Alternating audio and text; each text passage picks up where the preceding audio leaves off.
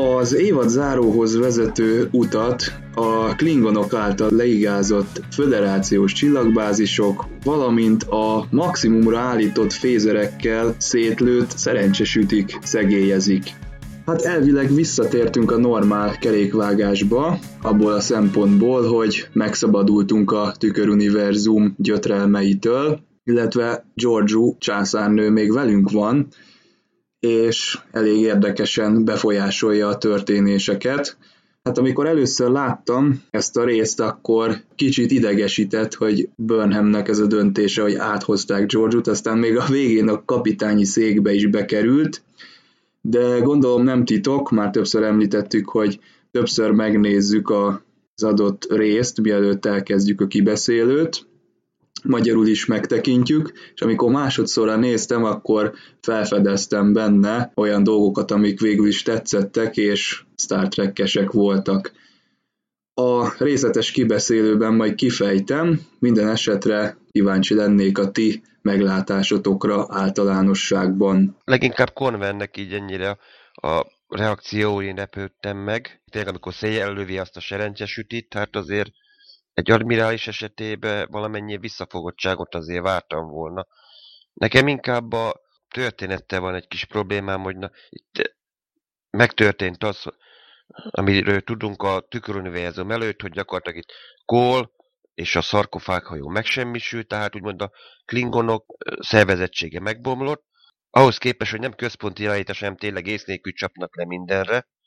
Ehhez képest azt mondom, hogy sokkal nagyobb eredményességgel tudtak a federáció területére behatolni, mint, mint, egy, sima, mint egy sima központi irányítású hódító hadműveletbe. Ugye ez nekem ez egy kicsit furcsa, bár igen, az ilyen ész nélkül lecsapni mindenre van bizonyos hatásfoka, de azért azt mondom, azért a federációban azért nem csak azt mondom, hogy tudósok ülnek azért a csillagfotta vezetésében, hanem azért, azért hadit, azért valamilyen hadi akadémiát képzés, azért kell valami taktikai harcászati képzés, hogy szervezzék a védelmet. Nekem ez egy elég, eléggé furcsa, mondjuk kánoli, kánon szempontból is, meg más szempontból is nekem így valahogy a történetvezetésben ez nekem ez elég furcsának tűnik. Viszont, hogy mondjuk tényleg itt tulajdonképpen Szarek is, és Conver is tulajdonképpen minden eszközt megragad, hogy akár még Giorgio-nak is segítségét kérik, vagy és hát alkut kötnek vele, ebben mondjuk ez, ez szerintem mondjuk várható lett volna egyébként, hogy igen, van a kínai közmondás, hogy mindegy, hogy fekete vagy fehér a macska, lényeg, hogy megfogja az egeret, és tényleg egy rendkívüli helyzetben van a föderáció, és tényleg minden segítség jól jön. Emlékezzünk, a Deep Space Nine-ban is van egy epizód, ahol Cisco parancsnok Garak segítségével hamis adatokat kreál, hogy a Dominium ellen fordítsa, szövetségessé tegye a romulánokat. Tehát ez nem újdonság a történetében. Én kifejezetten örültem ennek az epizódnak, a, a Discovery végre behúzta a kéziféket, és végre kaptunk egy igazán összeszedett, nyugodt, tényleg Star Trek-es epizódot. Szinte a legjobb TNG időket idézi, ez a jó kis karakterfejlesztő epizód, nagy találkozások vannak benne, szépen kiátszott jelenetek, párbeszédek, kiegyensúlyozottan vissza záró epizód felé. Nagyon féltem, hogy óriási twist lesz ebben is, jó, benne van itt ugye, ami Jojo-val kapcsolatos, de nagyon remélem, hogy itt már nem a váratlan fordulatokra fog épülni a hátralévő egy rész, hanem a most fölvázott helyzetet szépen kicsengetjük. Tehát van egy szituáció, a kánontól eltérően a klingonok állnak nyerésre, és ezt valahogy helyre kell billenteni, de milyen áron és milyen módon fog ez megtörténni. Tehát Giorgio-nak a itt létével én sem értek egyet, és nagyon kétséges számomra, hogy Burnham mennyire alkalmas például vezetőnek, amikor érzelmi alapon és hirtelen hoz meg döntéseket. És rapszodikusan cselekszik. Viszont Giorgio-nak az itt léte fölvet egy hatalmas erkölcsi kérdés, és nagyon remélem, hogy ez az erkölcsi vita lesz a, a záró epizódnak a, a tétje, és nem pedig mondjuk időutazással, vagy más látványos Deus Ex Machina és egyéb effektekkel próbáljuk megoldani a, a szezon lezárását, és amúgy is nem kell mindent lezárni, lesz másik évad. Tehát nem kell gigantikus végjátszmát létrehozni, csak évadzáró kell, és reméljük nem óriási cliffhangerre próbálják megoldani azt, hogy fenntartsák az érdeklődést a következő évadra. Szóval nekem Giorgio amennyire bosszantott az elején, annyira izgalmas, hogy az, amit ő felkínál Szareknek, rajta keresztül a föderációnak, az vajon mi lehet. Tehát mert amit ugye Burnhamnek elmond, én úgy érzem, hogy az sokkal kevesebb, tehát amit a Discovery legénysége vagy Cornwell is hisz, talán az is kevesebb. Georgie-t voltak éppen én úgy érzem, de majd megcáfoltok, vagy megerősítetek, amikor odaérünk, hogy szerintem itt akár a Klingonok teljes megsemmisítését, a faj teljes kiirtását ajánlja fel, és Szarek ezt valami miatt ezt logikusnak és vállalhatónak gondolja. Teljes annihilációról lehet szó, és azért lenne érdekes tudni, hogy az alatt a 9 hónap alatt, amíg a Discovery nem volt itt, az alatt mi történt a Föderáció, hogy ennyire megkeseredett még egy ilyen tekintélyes vulkáni is, mint Szarek, hogy akár egy fajításba is hajlandó belemenni. De majd nyilván a következő már meglátjuk. Számomra ez nagyon izgalmas. Ha, ha ez az erkölcsi végső kérdés lesz a utolsó epizód tétje, akkor örülni fogok a, az első évad lezárásának. Igen, hát talán az After Trackben is megemlítették, hogy lehetséges, hogy ezzel a szarekkel sincs minden rendben, tehát olyan kicsit gyanús volt ő, neki a viselkedése ez alatt az epizód alatt. Minden esetre a történések elején megérkezik Georgiou és Burnham a transporter terembe, és Georgiou hát azonnal, ugye amikor meglátja a szerencsétlen szarut, akkor csodálkozik, hogy mondjuk miért nem a tányéron foglal helyet a helyettes kapitány, és ugye itt ki is bontakozik az a szituáció, hogy Szaru megtudja, hogy a tüköruniverzumban mégiscsak voltak kelpiánok, és Burnham nem számolt be erről. Nyilvánvalóan Burnhamnek jó indoka volt erre, tehát csak meg akarta kímélni attól szarút, hogy beszámoljon róla, hogy mi történik a másik univerzumban, a másik hajón. Itt ugye a rabszolgaság, eleve az, hogy őket étkezési szándékkal tartják, illetve maga a szituáció, hogy Burnham kapitánynak pont Szaru volt a személyes segédje, gondoljunk itt ezekre a fürdetéses jelenetekre, illetve mindarra, ami történt a tüköruniverzumban. Szaru annyira ideges lesz, hogy egyenesen eltransportálja onnan George-ut egy szállásra, amit aztán őriztetni kezd, de végül is mondhatjuk, hogy megvan ennek a logikus magyarázata, hiszen azt mondja, hogy ez titkosított információ, hogy a Terrán birodalomnak a vezetője itt tartózkodik, és a transporter teremben lévő kollégának is azt mondja, hogy ennek köztünk kell maradnia. Szóval sok rajongó egyéb felteszi a kérdést különböző csoportokba, hogy miért is nem tudunk mi erről a tüköruniverzumról, vagy körkék idejében miért nem tudnak. Pár év válasz el az eseményekbe őket. Egyrészt egy ilyen elnyomó, ellenséges univerzumnak a létezése eleve problémákat jelentene, meg amit mondtak, hogy ilyen háborúban állunk, rengeteg ember meghalt. És na most, ha fennállna az a lehetőség, hogy tudunk arról, hogy azokat, akiket szerettünk, szeretteinknek a hasonmásé máshol, más univerzumban léteznek, és lehetőség van oda elmenni, akkor tényleg hány sok ember vállalna, hogy inkább akkor ott elmegy. Mit tudom, a feleségének, gyermekének a hasonmása, ha nem is olyan pozitív személy, hanem tényleg egy kicsit gonoszabb, egoistább, de mégis újra láthatná, vagy vele lehetne, akkor tényleg nagyon sokan inkább azt választanák, hogy inkább akkor átmennek, és fenelje meg a háborút. És erre mondjuk van mondjuk párhuzam, azért emlékezzünk, a DS9-ba is szintén volt, amikor Smiley, O'Briennek a hasonmása tulajdonképpen Cisco-t ezzel vette rá az együttműködésre, hogy igen, ott van a feleségének a hasonmása Jennifer, és akkor ő az egyetlen ember, aki egyáltalán rá tudhatni Jennifer, hogy ne dolgozzon a lázadó felderítésére, megsemmisítésére szánt projekten.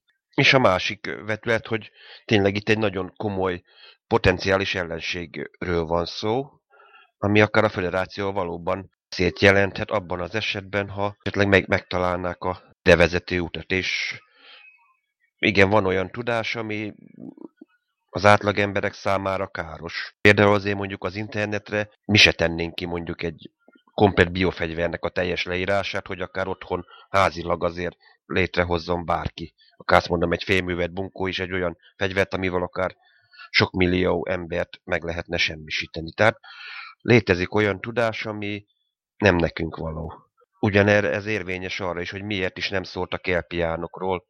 Burnham tényleg valóban meg akarta kimélni Ruth attól a tudástól, hogy igen, a, hogy nem elég, hogy ebbe az univer- a saját univerzumában is tényleg kevesen vannak lenézett faj, mivel prédáknak vannak tartva, egy másik párhuzamos univerzumban még rosszabb a sorsuk.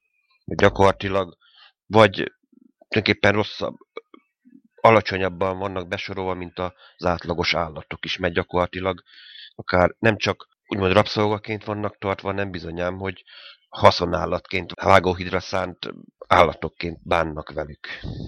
Ami mondjuk tényleg itt érdekes volt egyébként már rögtön az elején, hogy egyből azt lássuk, hogy még időben vissza a hagyományos USS Discovery feliratot, az ISS-ről, vagyis a Terrán logót épp időbe tüntetik el, hogy mire jöjjenek a... Mielőtt megérkeznek Convernek a csapatai a hajóra.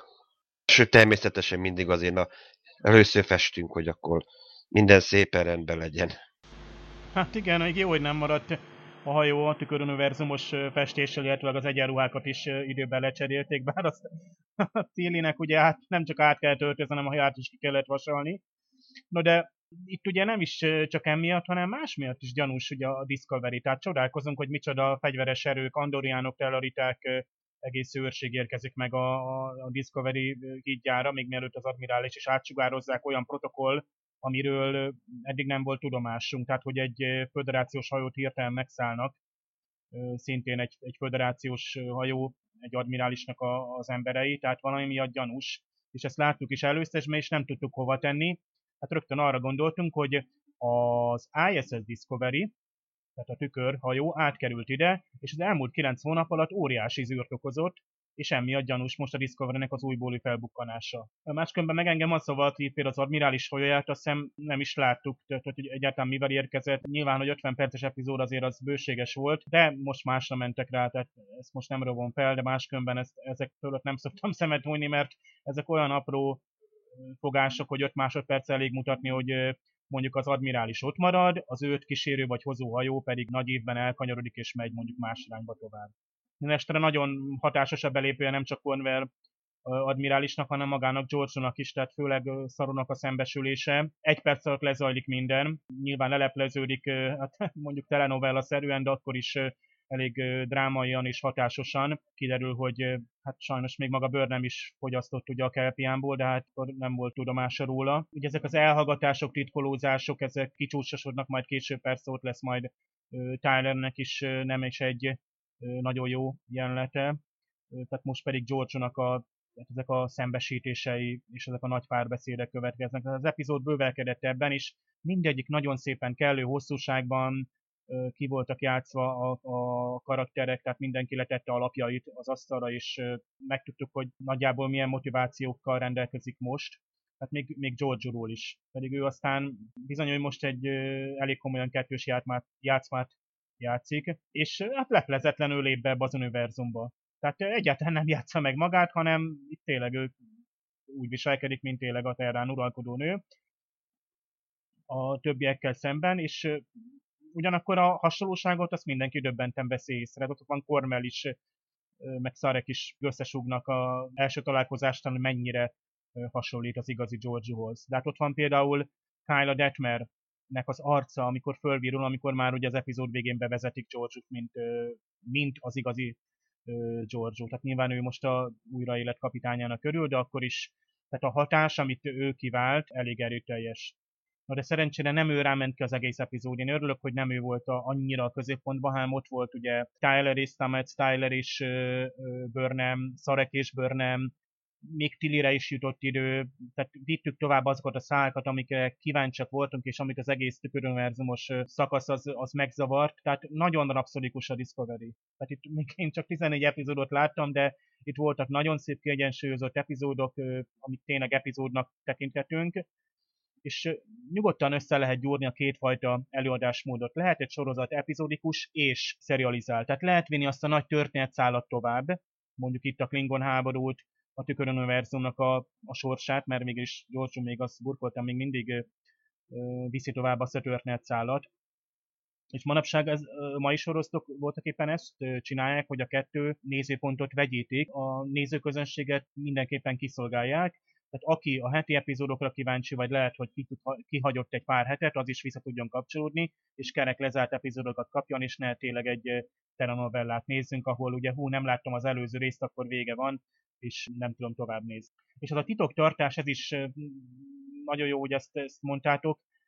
Attila is teljesen igazat adok, hogy nem kell mindent tudni. És főleg, ha a csillagflottára gondolunk, hát olyan jelentős felfedezések vannak, amit nem biztos, hogy a, a legénység összes tagjának tudni kell. Ott volt ugye az a Rastafari transporterkezelő srác, hát persze, hogy ő neki azon a hallgatást rendeltek el. ugye szerencsétlen transporter gépészek, ők ott csak állnak a transporterben, és akkor egy ilyen hirtelen átsugázáskor azt sem tudják, hogy mivel szembesülnek. Lehet, hogy egy Gormagander jön át, vagy valaki egy párhuzamos univerzumból, bármi megtörténhet, tehát szerintem ott aztán a titoktartás kötelező a, a transporterkezelőknél, mert ők aztán olyan dolgokat látnak, amiket tényleg nem szabad elmondaniuk. De hát így működik végig a, a csillagflotta az olyan szinten katonai szervezet, tehát vannak rangok, jogosultságok, hozzáférések, amik korlátozottak. Tehát nem férhet hozzá mindenki minden információhoz, főleg már annak terhe is van. Most ha belegondoltok, itt van például Börnem, aki már, aki már mindenről tud. Mekkora terheket hordoz? Azokkal a saját döntéseinek a következményeivel is szembesül, plusz még azokkal a drasztikus meg sokkoló eseményekkel, amik őt mindkét univerzumban érték. Vagy ott van például, Szaru is elhallgatott valamit, tehát nem csak Burnham nem árult el a kelpiánok sorsát a tüköruniverzumban, Szaru például nem mondta el, hogy Dr. Calbertet megölték, hanem teljesen egy beszélgetésben ő Dr. Polárdot említi, akiről egyébként egy cikk írja, hogy még ő sem a főorvos tehát ha azt hittük volna, hogy végre valahára láttuk a Discovery ö, orvosi főtisztjét, még ő sem az volt itt a színesbőrű hölgy, a, a fehér ruhás ö, doktornő, akit például Tyler-t is kezelte. Tehát még mindig adós a sorozat a főorvossal és a főgépésszel is, mert magát a főgépházat se láttuk, no de lehet, hogy a Discovery tényleg nem erről szól. Van egy, egy doktor Nambio, valami indiai származású színész játszani. Elvileg úgy olvastam valahogy a tekkoron, hogy elvileg ő lenne a hajó főorvosa, de erre azért nem vennék mérget. Amit Dave említett itt Corven admirálisról, ez is szerintem ez abszolút uh, helytelen, hogy tényleg nem látjuk az admirális hajóját, milyen hajóról jön át. Az tényleg érdekes, hogy látjuk, hogy átsugározik Corven, utána szépen egy, egy másik pályára és eltűnik. A másik, ami mondjuk nekem így feltűnik, hogy 9 hónapja gyakorlatilag egy vesztes háborút ö, visel a föderáció, és ehhez képest azért a, a katonák tényleg, meg Cornwell is tényleg makulátran friss, ropogós egyenruhában vannak. Azért akkor legalább egy kis megviselt egyenruha azért lehetne. Ürállomásokat, kórházhajókat, teherkonvojokat támadnak meg, tehát biztos, hogy akkor nincs minden rendben azért. Ez nem egy tiszta háború, amit csak így a karosszékből nézzük. Néhány dologban nem figyeltek oda, pedig azt mondom, a régebbi sorozatokban azért akár nézzük a Voyager egy év a pokolban, vagy akár, akár melyiket nézzük, akár mondjuk a Xindi vagy a Zendbe, a TNG-be is volt hasonló azért. Tényleg nem, nem az volt az első, hogy a tiszta egyenruhát veszünk elő a fogasról, hanem bizonyám tényleg, amibe harcolnak, azt az egyenruhát kellett használniuk. Azzal kapcsolatban, hogy említettétek, hogy nem tudjuk, hogy Cornwell admirális az melyik hajóról sugárzott ide, már korábban is beszélgettünk róla, hogy valahogy, minthogyha ezek az űrben játszódó jelenetek nem lennének összhangban a sztorival, tehát az az érzésem, minthogyha a, a speciális effekteket gyártó csapat az nem tartotta volna a kapcsolatot a, a sztoriírókkal, vagy a, vagy a tényleges stábbal, akik készítették a, a sorozatot, mert például régen voltak rá szabályok, hogy mondjuk a reklámszünet után látjuk a Voyager-t, hogy most ott fog játszódni a következő jelenet, vagy éppen látunk egy ilyen paintinget az adott bolygó felszínről, hogy most a következő eseménysor az itt veszi kezdetét. És minden ilyen történésnek volt egy alátámasztása képileg, hogy igen, megjön az admirális, ő egy hajóról jön át, átsugároz,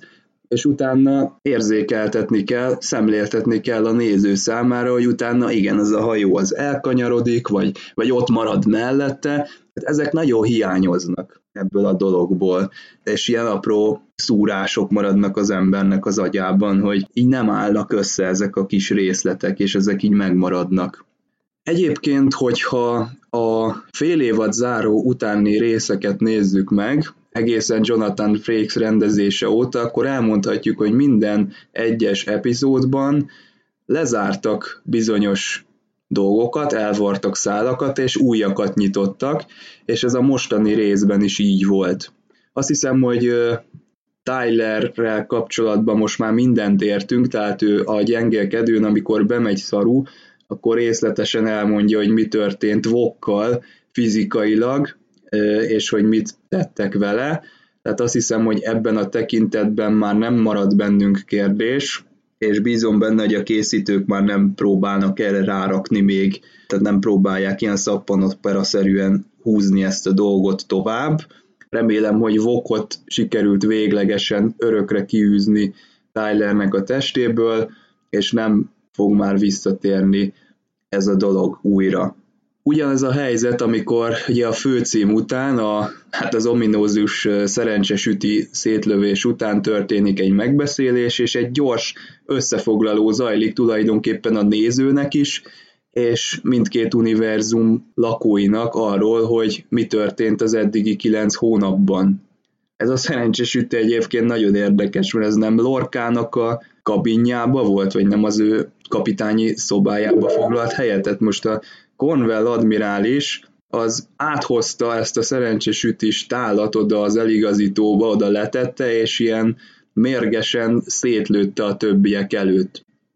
Egyébként ez a maximumra állított phaser effekt, amikor elporlad valami, akkor ugyanolyan volt, mint a tüköruniverzumban, amikor, amikor szétlőtték egymást az emberek, tehát én nekem egy kicsit olyan érzésem volt, amikor megláttam ezt a jelenetet, hogy hogy ajjaj, most tényleg visszatértünk a Prime univerzumba, vagy itt még mindig mindenki ilyen uh, disruptor üzemmódba fog majd lövöldözni.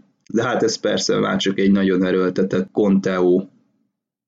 A lényeg az az, hogy már szóba hoztátok, hogy ennek az univerzumnak a léte az veszélyes lehet, hogyha tudják, mondjuk nem csak a klingonok, de akár a Prime univerzum egyéb népei is, hiszen nagyon nagy lesz a csábítás abban a tekintetben, hogy elhunytnak hit hozzátartozóink újra láthatóak legyenek.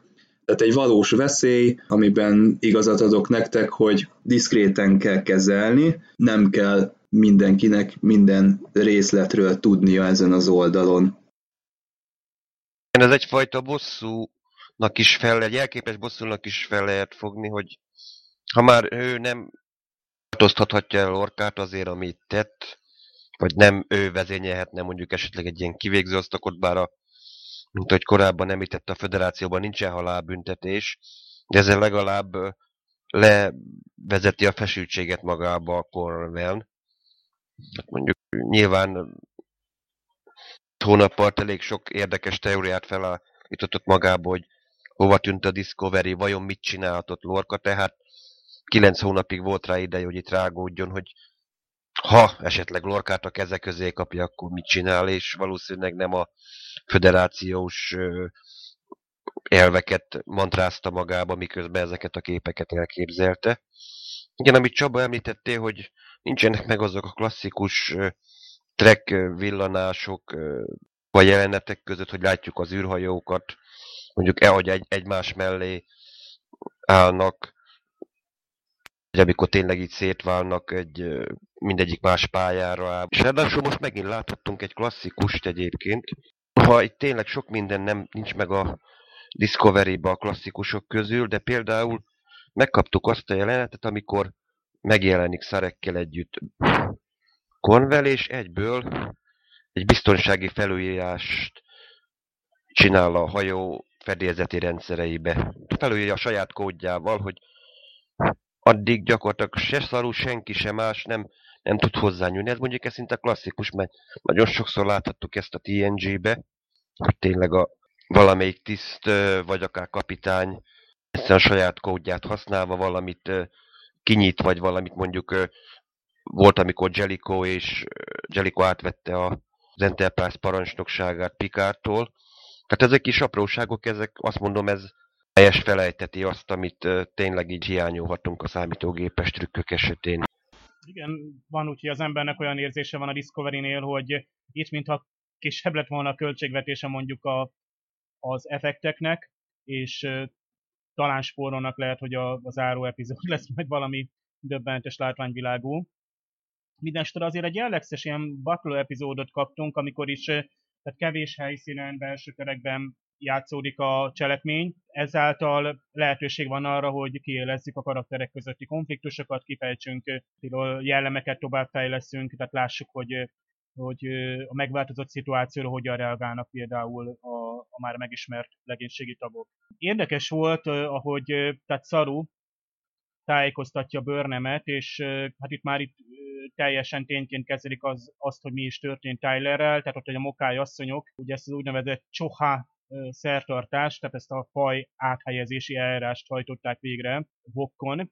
Tehát ez a reassignment, vagy nem is tudom, hogy mondta az eredeti, tehát hogy áthelyezték gyakorlatilag a tudatát. Tehát nagyon bonyolult eljárás, amit én már akkor mondtam, hogy teljesen fölöslegesnek tartom, hogy ilyen összetett eljárással, tehát nem is a mokály asszonyok olyan orvosi eljárásokat, ahogy Szaru is mondja, hogy azok nem tehát hagyományos, meg egyáltalán a föderáció által elismert vagy ismert orvosi eljárások voltak, nem is beszélve arról a szertartásról, amit például Lör elművel, hogy kiűzze Vokot abból a testből, ami maradt. Mert ugyebár itt nem Tyler testéről van szó, hanem a, az átalakított és megkínzott, mesterségesen létrehozott test, amiben ott szúnyadt Vok tudata is, és most azt megszabadították, és itt Tyler elvileg egyedül maradt. Bár, hát, én remélem ezért egyébként, hogy most Tyler az Tyler marad, és nem lesz egy, egy végső fordulat, amiben Lörellel összefog, és esetleg valami intrikát fog végrehajtani egy váratlan fordulat keretében. Azért annyiszor már nekiáltsunk farkast. Tehát akkor már szerintem senki nem fog ennek a szerencsétlen Tylernek, mind a mellett ő neki a visszafogadása a legénységnek a közösségében az nagyon szép jelenet volt, de arról még majd szerintem beszélünk.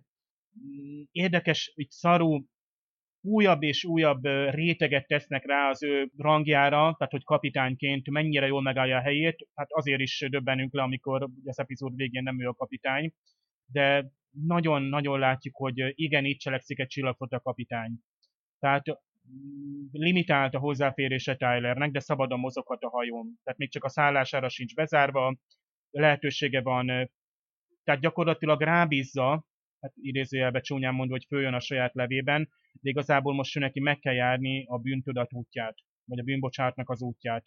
Hát igenis a folyosón, vagy valamikor véletlenül össze kell találkozni a Stemetszel, esetleg bőrnemmel is, vagy föl kell keresnie őt, tehát le kell zárni azokat a, a kapcsolatokat, vagy újra kell nyitni, és ezekben a drámai párbeszédekben ez, ez meg is történik. Aztán szóba került itt ez az admirálisi felülíró parancs, Egyébként csodálkozom, hogy eddig ezt nem nagyon láttuk, tehát nagyon is logikus, hogy kell ilyennek lennie, bár a bevetés az, az elég váratlan volt. Ugye ott van az, hogy ha mindig a magasabb rangú tiszt tudja felülírni a hierarchiában alatta lévő tiszteket, láss például egy admirális tud mondjuk csak egy kapitány felülírni, akkor mi van azokban a helyszínekben, amikor mondjuk egy kapitány cselekszik veszélyesen? Ugye például a az új nemzedékben is láttuk nem egyszer, például amikor Pikár kapitányt helyettesítették egy másolattal, és tehát egy olyan fajnak a tagjai, akik például a, a, azt hiszem tekintély elvű társadalmat nem értik, és próbálták kísérletezni, hogy hogyan működik a föderációs hierarchia, és ott a, az a álpikár elég furcsa dolgokat művelt, a legénység elkezdett gyanakodni, és egymásra nézve szinte megbeszélés nélkül leváltották azt a pikárt. Tehát igenis van, hogy orvosi főtiszt is például egy kapitányt, tehát vannak olyan szituációk, amikor a, vagy a tiszteknek egy tanácsa ö, biztos, hogy vannak erre, tehát a föderáció szabályztot kéne átbújni, és már is megtalálnánk a megfelelő passzusokat, amik arra vonatkoznak, hogy amennyiben egy kapitány nem önmaga, mondjuk lásd egy imposztor, arra gyanakszunk, hogy hát ez, ez nem az igazi, vagy befolyásolja valami külső tényező, ugye nem egyszer beszéltünk már arról, hogy egy kapitánynak a, a rangjához hatalmas felelősség csatlakozik, és tehát olyan döntéseket kell megosztani, olyan döntéseket kell meghoznia, amit nem tud sokszor megosztani másokkal, és ezeknek a terhe akár összeroppanthatja netán esetleg gyenge ember lenne. Tehát ilyen alapon kellenek olyan biztonsági tartalékok, lásd olyan szabályzatok, elvek, amely alapján például egy legénység alacsonyabb rangú tagjai is, vagy egy orvosi főtiszt, vagy persze egy admirális, az le tud tenni a posztjából egy, mondjuk egy imposztor, vagy egy megőrült kapitányt. Aztán megdöbbentem például Szareknek, egész félmetes volt ez, ez a agyegyesítést. Emlékszünk, a tükör univerzumbeli Szarek, az ö, szintén hát szondázta Börnemet, ő Börnemet szondázta, hogy megállapítsa, vannak ellenséges szándéka, és igazat mondja Most ez a Szarek, hát el sem akarom képzelni, hogy például a szaru mit élt át közben. Nekem a, a csillagkapuban a replikátoroknak ez a agyszondázás, amikor ugye benyúlnak a fejedbe, és ilyen elképzelhetetlen kínokat érsz át közben, és nem tudod elrejteni, ha csak nem vagy nagyon kiképezve ellenállásra és a gondolataidnak az elrejtésére. És itt is, hát szegény szaróból gyakorlatilag mindent kiszedett, még Börne meg bizonyos érzelmét is, azt hiszem például azt is, hogy szerelmes Tylerbe. Tehát ilyen résztekbe menően, most ehhez persze szaronak is jól meg kellett figyelni a dolgokat, de igazából a, ott aztán nem lehetett titkolózni. Tehát amíg egy vulkáni közeledik feléd és a fejedet akarja megfogni, akkor nem tudom, hogy milyen kiképzés kell, hogy elrecsed a legtitkosabb gondolataidat. De hát így legalább hamar kiderült az, hogy itt akkor mindenki rendben van, és hát mégiscsak ennek az oka az volt, hogy hát a tükör Discovery nagyon hamar megsemmisült. Hmm, ezt egy picit sajnáljuk szerintem, mert egy érdekes cselekmény száll lett volna, ha az a tükör Discovery még, netán még most is itt van, vagy a legénysége tagjai közül valakik itt vannak, de legalább nem húzták túl ezt a Mirror Universe dolgot, ott valószínűleg most lezárták, és én nagyon gyanítom, hogy hát george már nem fogjuk látni például a második évadban. Elvileg Tyler agyából maga Voknak az egyénisége eltűnt, de az emlékei, a tudás az végül is megmaradt, amihez, mint egy, azt mondom, egy ilyen másodlagos memóriához Tyler hozzá tud férni. Jó, mondjuk ez tulajdonképpen nem is, azt mondom, nem is cifi találmány egyébként, mert erre van egynek egyébként hasonlók, aki mondjuk ismeri Raymond D. Face-nek a mit kémia világát, ott van egyébként egy hasonló, hogy ott is egy, egy idegen fajnak a egyede ugyan beférkőzik egy emberbe, és végül is nagy nehezen sikerül egyébként valahogy kinő, kiűzni ez már egy ismert ötlet, igaz kevésbé ismert ötlet, de szerintem egy, lehet, hogy ennek még a második évadban azért fogunk valamit használt venni, hogy Tyler így azt mondom, egy plusz képességet kap, mint biztonsági tiszt valószínűleg ezt fel, fog, fel, fel lehet használni a háború során. Ami mondjuk még egy eszembe jut, hogy ugye azt mondják, hogy a Discovery-nek a tükör univerzumbeli mása, ahogy gyanítottuk, gyakorlatilag helyet cserélt a két hajó. Hogy rögtön, rögtön elpusztult, hogy megtalálták a roncsát. Hát Gilok kapitányt ilyen könnyen meg tudták, tudták pusztítani a hajóját a klingonok.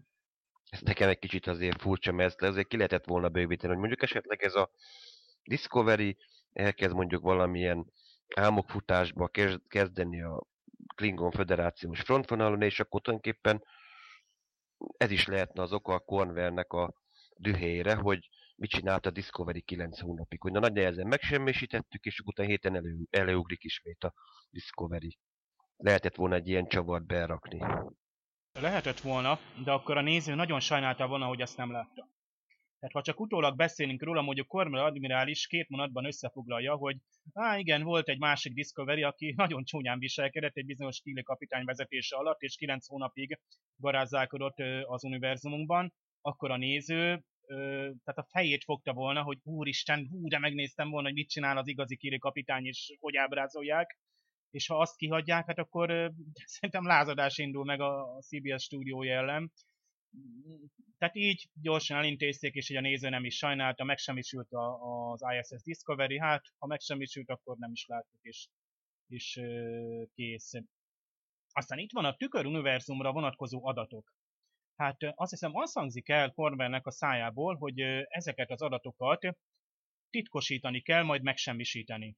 És ezt ugye be is látjuk, hogy tényleg az a tudása, hogy most is beszéltük, hogy nem, nem nagyon lenne jó, ha az nyilvánosságra kerülne. Másrészt ismerjük a kánonból, hogy a Mirror Mirror epizódig, addig a, az időpontig nem is tud senki, tehát például egy csillagflota kapitány, mint Körk, nem tud a tüköruniverzum létezéséről. No de, akkor ezek szerint tényleg meg sem istették az adatokat, de azt nem értem, akkor miért kell titkosítani? Tehát lehet, hogy most csak szavakon lovaglok, de, de akkor először titkosítani kell, és utána megsemmisíteni nem lehetne rögtön törölni mondjuk? Többször felülírni, ha esetleg nagyon aggályosak vagyunk. Na de a lényeg, hogy a adatok megsemmisültek, mert legközelebb már körkapitányék úgy kerülnek át, hogy fogalmuk sincs arról, hogy a tüköruniverzum létezik. Hát lehet, hogy először átnézi az admiralitás az adatokat, és bogarásszák, hogy van-e itt valami olyan dolog, amit úgy mégiscsak fel tudnánk használni. Tehát azért ők még úgy jogot formálnának rá, hogy azt, azt ők úgy még átnéznék, mielőtt megsemmisülne. Tehát szerintem valami ilyesmi van a háttérben, hogy titkosítjuk, a titkosítás ugye mit jelent? Az azt jelenti, hogy bizonyos hozzáférésnél alacsonyabb jogosultságú emberek nem férhetnek hozzá az adathoz, hogy ezek most kapitányok, admirálisok, azt nem lehet tudni, de én itt valami olyasmit látok a háttérben, hogy azért minden információ hasznos lehet, és miután megtanultunk minden dolgot, amit még használni tudunk, utána már meg is lehet semmisíteni. Egyébként visszatérve a nem összehangolt ilyen Klingon házaknak a támadására, itt valóban csodálkozunk rajta, hogy hogyan tudtak ezek a, ezek a nem egységes csapatok így lecsapni a föderációra, hogy egyszerűen ilyen erős hatást tudtak elérni. Hát itt minden bizonyal ilyen kamikáze akciókra kell gondolni, meg terror eseményekre. Attól függetlenül, hogy most ez mennyire logikus vagy nem logikus? Én itt valamennyire az iszlám terrorra asszociáltam ezekről a támadásokról, tehát hogy nincs egy bejelentett hadüzenettel járó egyenes háborús stratégia, hanem ilyen random lecsapások vannak, ugye ahogy Burnham is mondja az elején, nincsen logika ezekben a rajtaütésekben, egyszerűen csak tényleg véletlenszerűen, ilyen barbár módon ütnek rajta a föderáción. Ti észrevettétek ezt a párhuzamot, vagy csak én látom ezt így? Az a cél, hogy most meghódítsuk a területeket, mert ugye ha most meg elfoglalsz egy bolygót, akkor mit kell csinálni? Akkor egyrészt arra a bolygóra le kell telepítened valami helyőrséget, kell akkor valami légvédelem, valami védelemnek a megszervezés, hajót ott kell hagynod, stb. stb. Tehát csupa logisztikai dologról van szó. Itt, itt ilyesmi nem történik, itt, itt, csak, nyilv, itt csak a pusztítás a cél egy, egyszerűen. Pusztítunk, és akkor mindig úgy tovább megyünk, mint egy sáska had lényegébe. Véletlenszerűen csapunk le, és ez tényleg megnehezíti egyébként a védelem dolgát is, mert nem tudod kiszámítani, hogy hova fog, hova koncentráld az erőidet, hogy mit fognak még egyszer megtámadni. És ez tényleg egy, azt mondom, egy bizonyos ideig tényleg hatásos is, eredményes, egészen addig, amíg tényleg a, nem veszik át a, ezt a harcmódot, mondjuk a federáció nem alkalmazkodik, mint ahogy azért láthatjuk, hogy a utóbbi húsz évben tényleg a felett nyugati világnak is alkalmazkodnia kellett az ilyen terrorista típusú támadásokhoz, hogy, hogy nem ténylegesen hadseregekkel állunk szembe, hanem olyan személyek, gyakran csak személyekkel, nem pedig reguláris hadseregekkel, és emiatt változtatnunk kell a módszereken is. Mint láthatjuk, amikor ott az admirálisokkal beszélgetnek, hogy nem a föld megvédésére kellene koncentrálni, mert ezek úgyis eljönnek, és nem fog, a klingonoknak nem fog számítani mekkora veszteség. Az lesz a céljuk, hogy mindent leromboljanak, akkor a felt is letarolják, hanem igen, ahogy egyébként Lörel való beszélgetve Cornwell itt rájön, hogy úgymond Lörel végül is tanácsot ad neki burkoltan, hogy igen, ha ahelyett, hogy a földet védenénk meg, oda visszük magát a háborút a Kronoszhoz, akkor tényleg minden ház gyakorlatilag kezét, lábát tördeve fog hazafele szaladni, hogy meg, megvédjék az anyabolygót, tehát nem úgy kell viselkedni, ahogy egy logikus, logika diktálna, hanem igen, itt minden szabályt fel kell rúgnunk, és szokatlan taktikát kell alkalmazni. Tényleg úgymond, ha egy darásfészket akarunk kifüstölni, akkor nem a darazsakat kezdjük el csapkodni, hanem akkor megyünk a Goatsfornba, és magát a darásfészket kell megsemmisítenünk. Utána ráérünk lecsapkodni a hány kóból darazsot. És e- ezért csodálkozunk, hogy 9 hónap alatt a föderáció erre taktikára nem jött rá, tehát hogy most már nem masszív frontális támadások várhatók a klingonok részéről, mert elpusztult a szarkofág hajó, Tukuvma mozgalma szétesett, és most már 24 ház külön támad, tehát nincs, nincs mintázat, amire fölépítgetnék, nincs logika a támadásokban, és egyszerűen a, ott a stratégák nem jönnek rá, a csillagflotta vezetésében, hogy nem olyan következtések alapján működik, mint egy, egy frontális háború. Tehát ugye nincsen vezető, nincsen összehangolt támadási mintázat, és most ugye úgy emlegetik a klingonokat, hogy most már 24 ellenség van. Voltak éppen ők is még egymással is versengenek, hogy melyik ház kerül ki győztesen, zsákmányolnak és prédát ejtenek, tehát fosztogatnak. Ami korábban is megvolt, csak most sokkal masszívabban, hiszen elindult, tehát amit elindított voltak éppen Burnham, tehát meg egyáltalán amit ott kiváltott a, a, az első találkozásot Tökumával, annak egyenes következménye, és egyszerűen tényleg nem értem, hogy stratégiailag hogy nem lehet ezt kikövetkeztetni, hogy, hogy ez is egy várható fejleménye a pingonoknak, és nem olyan taktika szerint haladnak, mint a, a föderáció, akkor ahhoz kellene alkalmazkodni. És tényleg itt nagyon érdekes, tehát ott, ott például, amit Lörel és Cornwell is ö, beszélget, amikor Cornwell mondja, hogy nem is tudom, Dögorház, vagy ö, melyik foglalt el a föderációs űrbázist, és akkor Lörel teljesen ledöbben, hogy tehát az, amiben ő is hitt, amiért ő is harcolt volna, meg amiért ő is átjött ugye a Discovery-re, az egyáltalán nem valósult meg, hanem pont ellenkezője van, hogy szétestek a, a házak, összehangolatlanul támadnak a, a klingonok. Tehát az, amit Tökugma akart, az nem ö, valósult meg. Aztán persze ugye Giorgio ad egy olyan taktikai tanácsot, amivel amit, amire kettőt se gondolkoznak a csillagflottában, és azonnal megadják neki a lehetőséget, hogy hajtsa végre azt a manővert. Tehát nagyon el van keseredve a csillagflotta, csak azt nem értem, hogy miért kell ehhez ide egy, egy terrán stratégia, pedig még Szarek mondja is, hogy ők terrán módszereket nem vesznek át. Ennek ellenére kénytelnek. Tehát annyira hátra vannak szorítva, bár itt csak azt hiszem 20% terület elfoglásról van szó. Tehát há- nagy hátrányban vagyunk és vesztésre állunk, más oldalról ugye 20% területvesztés még nem kellene, hogy ilyen végső elkeseredett lépésre késztessen minket, mint például, amit most is tervez, ugye majd a utolsó epizódban látható manőverről vagy misszióról van szó. Ez sem szentesíthet egy olyan, olyan eszközt, egy valószínűleg nagyon elköstelen eszközt, amire készül Dojo vezetése alatt most a, a Discovery.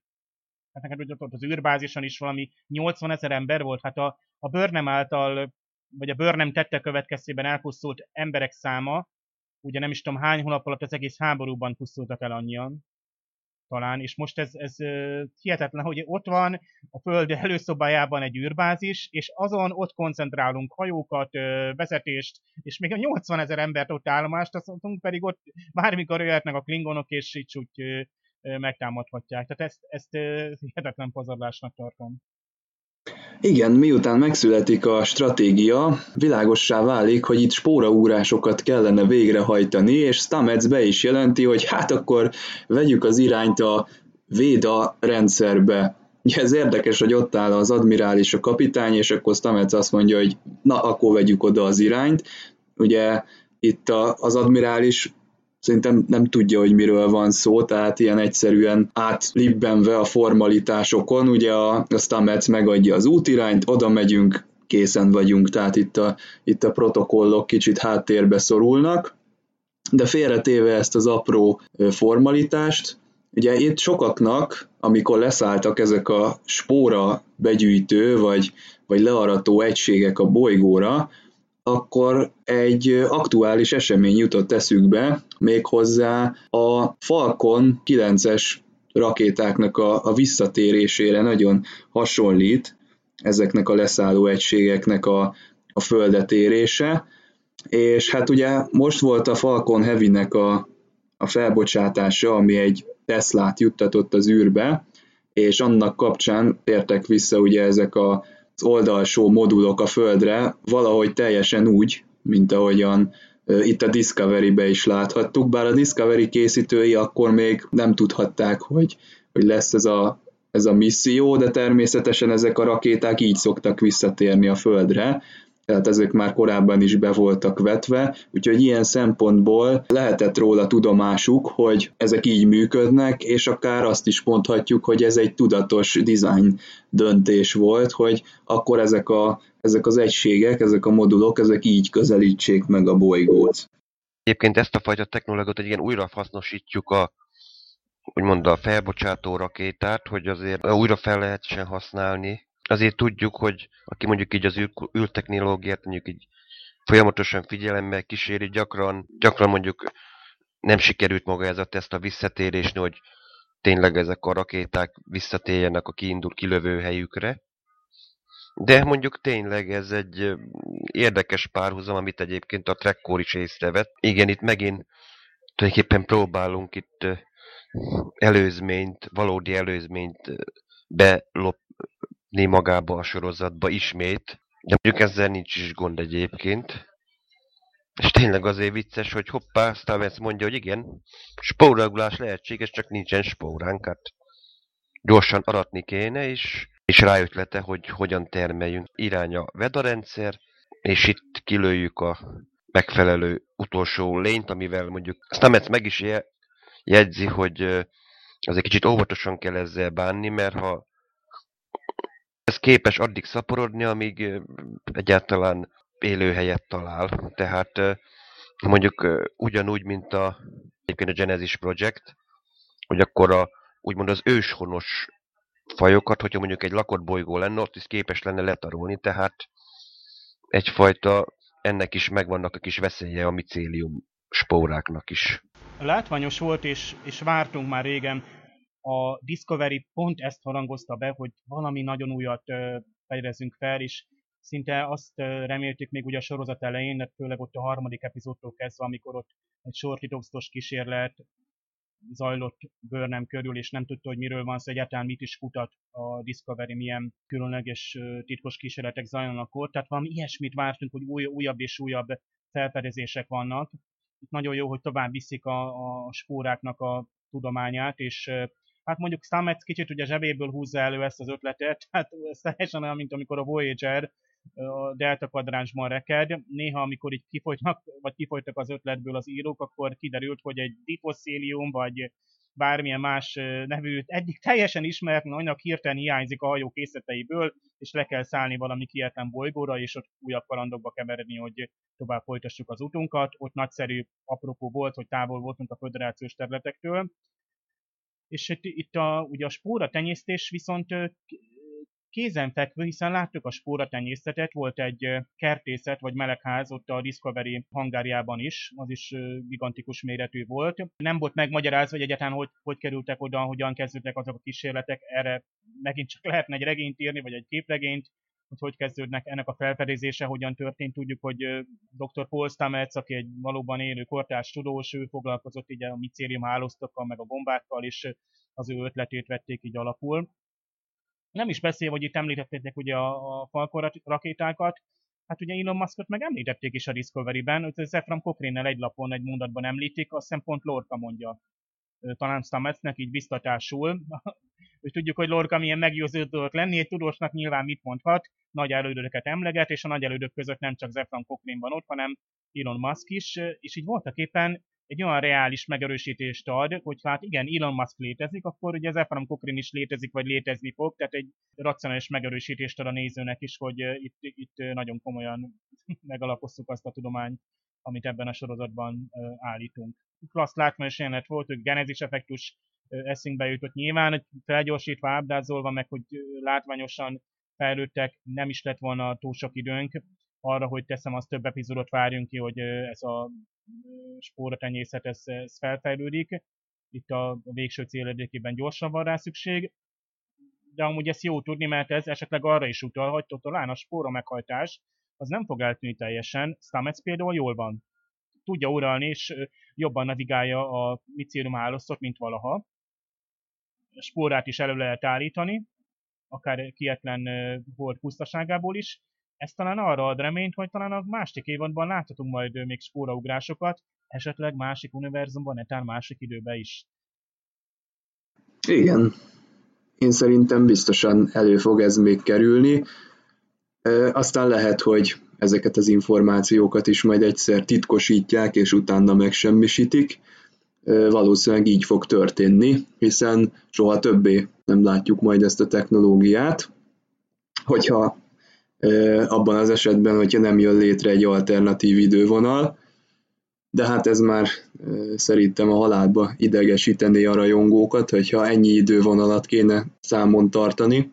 Ez az epizód egy kicsit ilyen vihar előtti csend olyan szempontból, hogy sok mindent fel kellett dolgozni a szereplőknek, és ebből a szempontból rendkívül sok karakter pillanat is jutott ebbe a részbe. Ugye ott kezdődött minden, hogy a klingonok által gyakorolt csapások során ugye itt szóba jött, hogy valamelyik kolónián gyerekek maradtak árván, és akkor ugye Burnham Szarekre nézett azzal a pillantásával, és itt ugye már a néző tudta, hogy milyen érzelmek játszódnak le benne. De természetesen itt van Tylernek is az esete, aki egy tulajdonképpen egy újra egy beilleszkedési folyamaton kell, hogy végigmenjen, itt a Discovery fedélzetén, és akkor még itt van a Tyler és a Burnhamnek a, a kapcsolata, és még az is belefért, hogy Tyler és Szarek kapcsolata is terítékre kerüljön, arról már nem is beszélve, hogy Saru és Burnham kapcsolata is előkerült, tehát itt régi viszonyok melegítődtek fel. Ugye Burnham nagy nehezen ráveszi magát, hogy beszéljen Tylerrel, akkor próbálja elmondani, hogy a, az elmúlt időszakban történt események azok elég sűrűek voltak, ugye onnantól kezdődően, hogy ide került a Discovery-re, vagy mondhatjuk azt is, hogy onnantól kezdődően, hogy a kettős csillagnál mi történt, és egy nagyon hangyányit én úgy éreztem, hogy ez a magyarázat, ez a nézőnek szól, mert annyira szűk a keresztmetszet, például az epizódoknak a számában, és például annyira sok esemény történik, hogy akár mennyire szeretjük a Sonyeka Martin Green-t, mint színésznőt, meg akár mennyire jók is az ő képességei és tehetséges, nem fogja tudni eljátszani ezt a sok mindent. Nem fogja tudni átadni, mert nincsen rá idő, és a néző ezt nem fogja tudni feldolgozni, ezt a csomó érzelmet pedig. Ezek egy nagyon jó alapot teremthetnének egy jó sztorihoz, de ezt valahogy szerintem lehetetlenség feldolgozni. És ilyen szempontból kicsit sokkal jobban úgy éreztem, hogy a kettőjük között lejátszódó jelenetben a néző az legalább annyira be van vonva, mint ahogy ők ketten. Egyébként ez egy jó kérdés, hogy Burnhamben mi játszódik le. Ugye nagyon ragaszkodik Georgiuhoz. Ez bizonyos szempontból meg tudjuk érteni, olyan szempontból, hogy 7 évig ő volt a kapitánya, de hát az ő terrán megfelelője meg borzasztó dolgokat tett, tehát gondoljunk itt a Kelpián vacsorától kezdve a, a mészállásokon keresztül bármiig, de Tylernek valamiért nem bocsát meg olyan könnyen. És ezt a kettősséget, ezt szerintem lehetne indokolni bőven, de mégsem történik ez meg, tehát mi ezt érzelmileg nem tudjuk olyan jól feldolgozni, ez nem jön át nekem, sajnos. De nem tudom, nektek mi a véleményetek.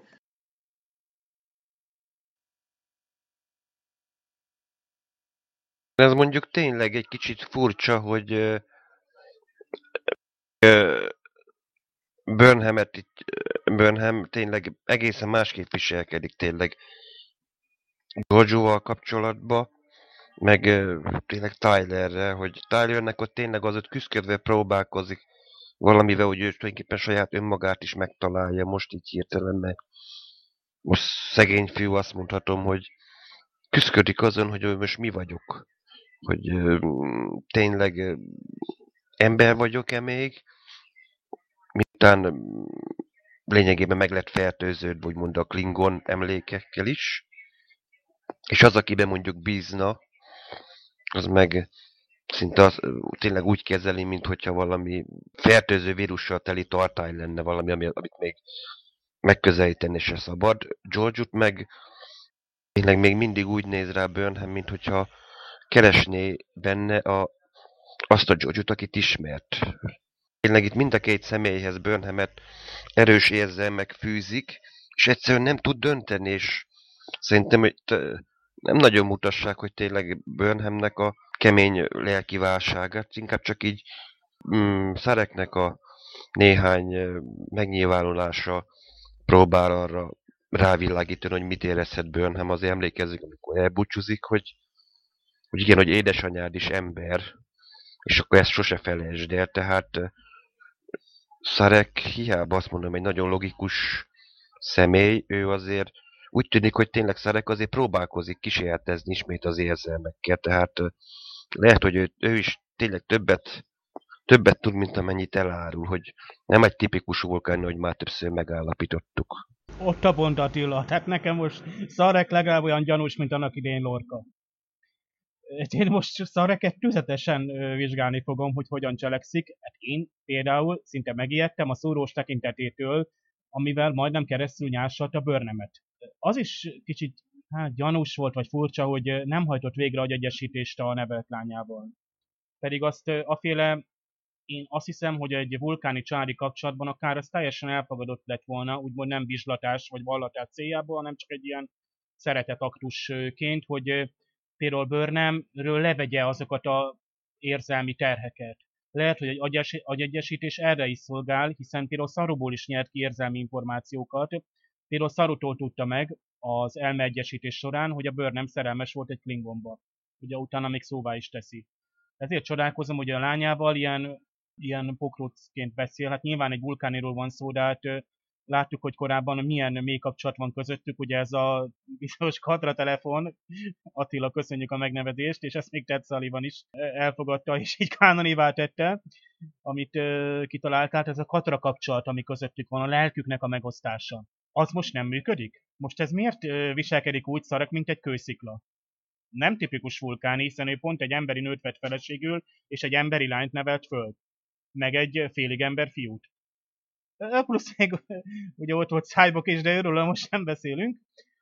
Szóval Szarek nekem most gyanús. Nem is beszélve az, hogy Szarek és George találkozása valami olyasmit hozott eredményül, hogy Szarek meg tudta győzni az egész föderációs tanácsot, admiralitást, hogy belemenjenek egy olyan misszióba, ami valószínűleg nem csak a Klingon katonai célpontok ellen irányul, hanem egy végső csapást mérhet a Klingonokra. George talán valami olyasmit kínált fel itt, amit nem mondott el Burnhamnek a Klingonok legyőzésével kapcsolatban, ugye itt a végső legyőzést kínálja fel. Nem csak abból áll majd, hogy besugárzunk egy bolygó belsébe, tehát a Discovery-vel beugrunk majd egy barlangba, lásd, ugye Pegasus a Next Generation-ben, az új nemzedékben, hanem itt valószínűleg a végső csapást kell mérni, hiszen a klingonok újra és újra élednek.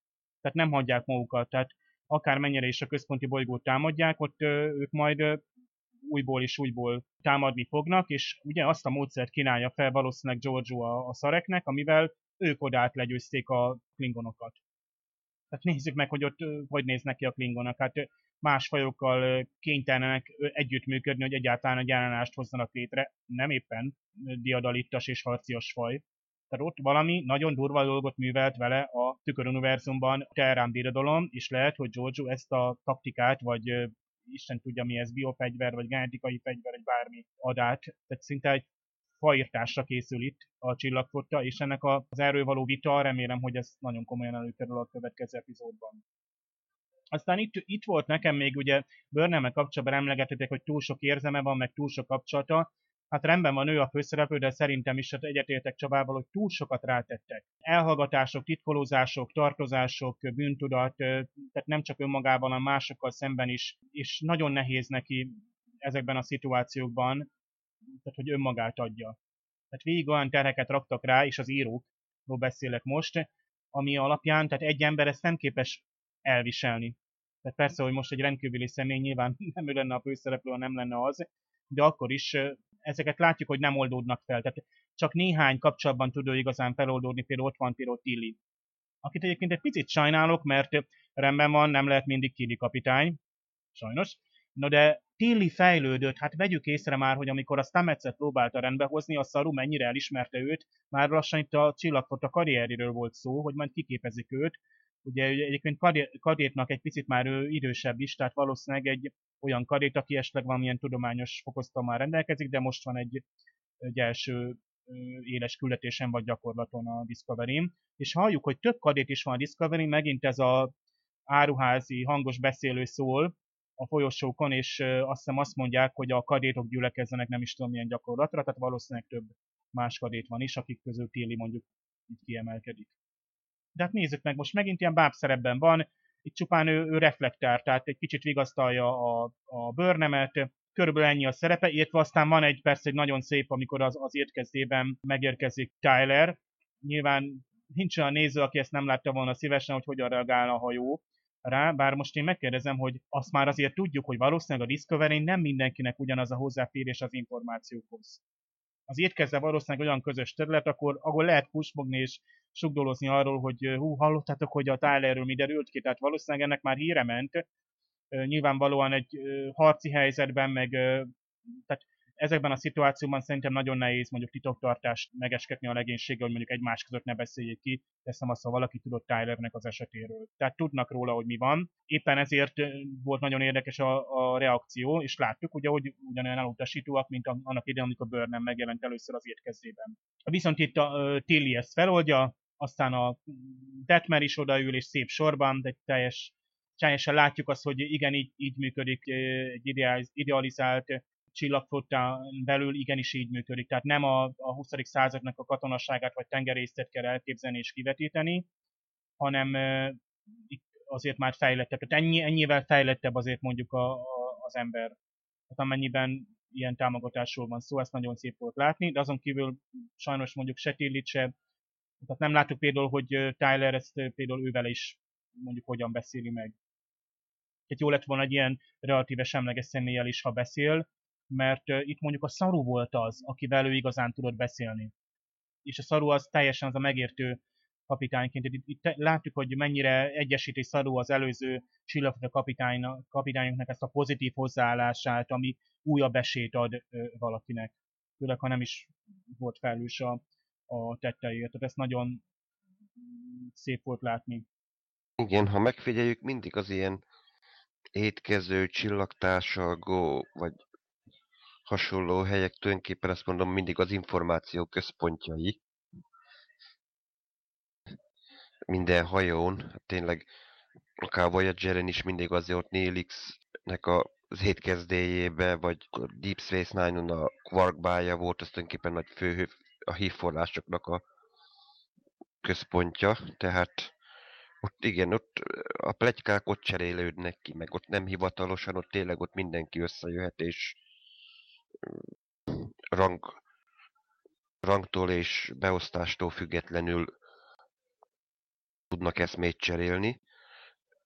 Mm, Szerek esetében, hogy igen, kicsit pukrócként viselkedik, de valószínűleg, hogy ő inkább nem megoldást akarja egyből elmondani Burnhamnek, szerintem ő inkább rávezetni akarja ezzel a fajta viselkedéssel, mert mivel részben tényleg itt a katrájának egy részét megosztotta Burnhammel, valószínűleg egy lelki fejlődés próbál benne ösztönözni. Igen, saját magától jöjjön rá egy megoldásra, ami nem vulkáni, meg nem is hagyományos ember, hanem a kettőnek az ötvezete lenne, ami mind a két oldalról az előnyeket próbál ötvözni, hogy tényleg csúnyán fogalmazva Szarek számára Burnham is, meg tulajdonképpen Spock is logikusan tulajdonképpen egy társadalmi kísérlet lenne, kísérleti alanyok, de mégis inkább mégiscsak a mond egy fogadott gyermek, most a gyermekéről van szó, és, és a saját gyermekéről is, hogy nem véletlenül vette tényleg embernőt, mert tényleg az jut eszünkbe, hogy már mondtam, hogy amikor elbúcsúzik Szarek Burnhamtől ebbe az epizódba, hogy szinte ide vág a Kelvin féle első filmbe, amikor azt mondja Szarek az ifjú Spocknak, hogy tudod, miért vettem anyádat, mert szerettem, hogy tényleg, hogy bevallja, hogy Igen, hogy valójában benne is ugyanúgy megvannak az érzelmeknek a sírái, és csak nem, csak egyszerűen a több évszázados vulkáni beidegződések annyira benne vannak a fajban, hogy nem bírják kimutatni embermódra. Valószínűleg ez is lehet így azok, hogy Szarek ilyen érdekes viselkedést mutat.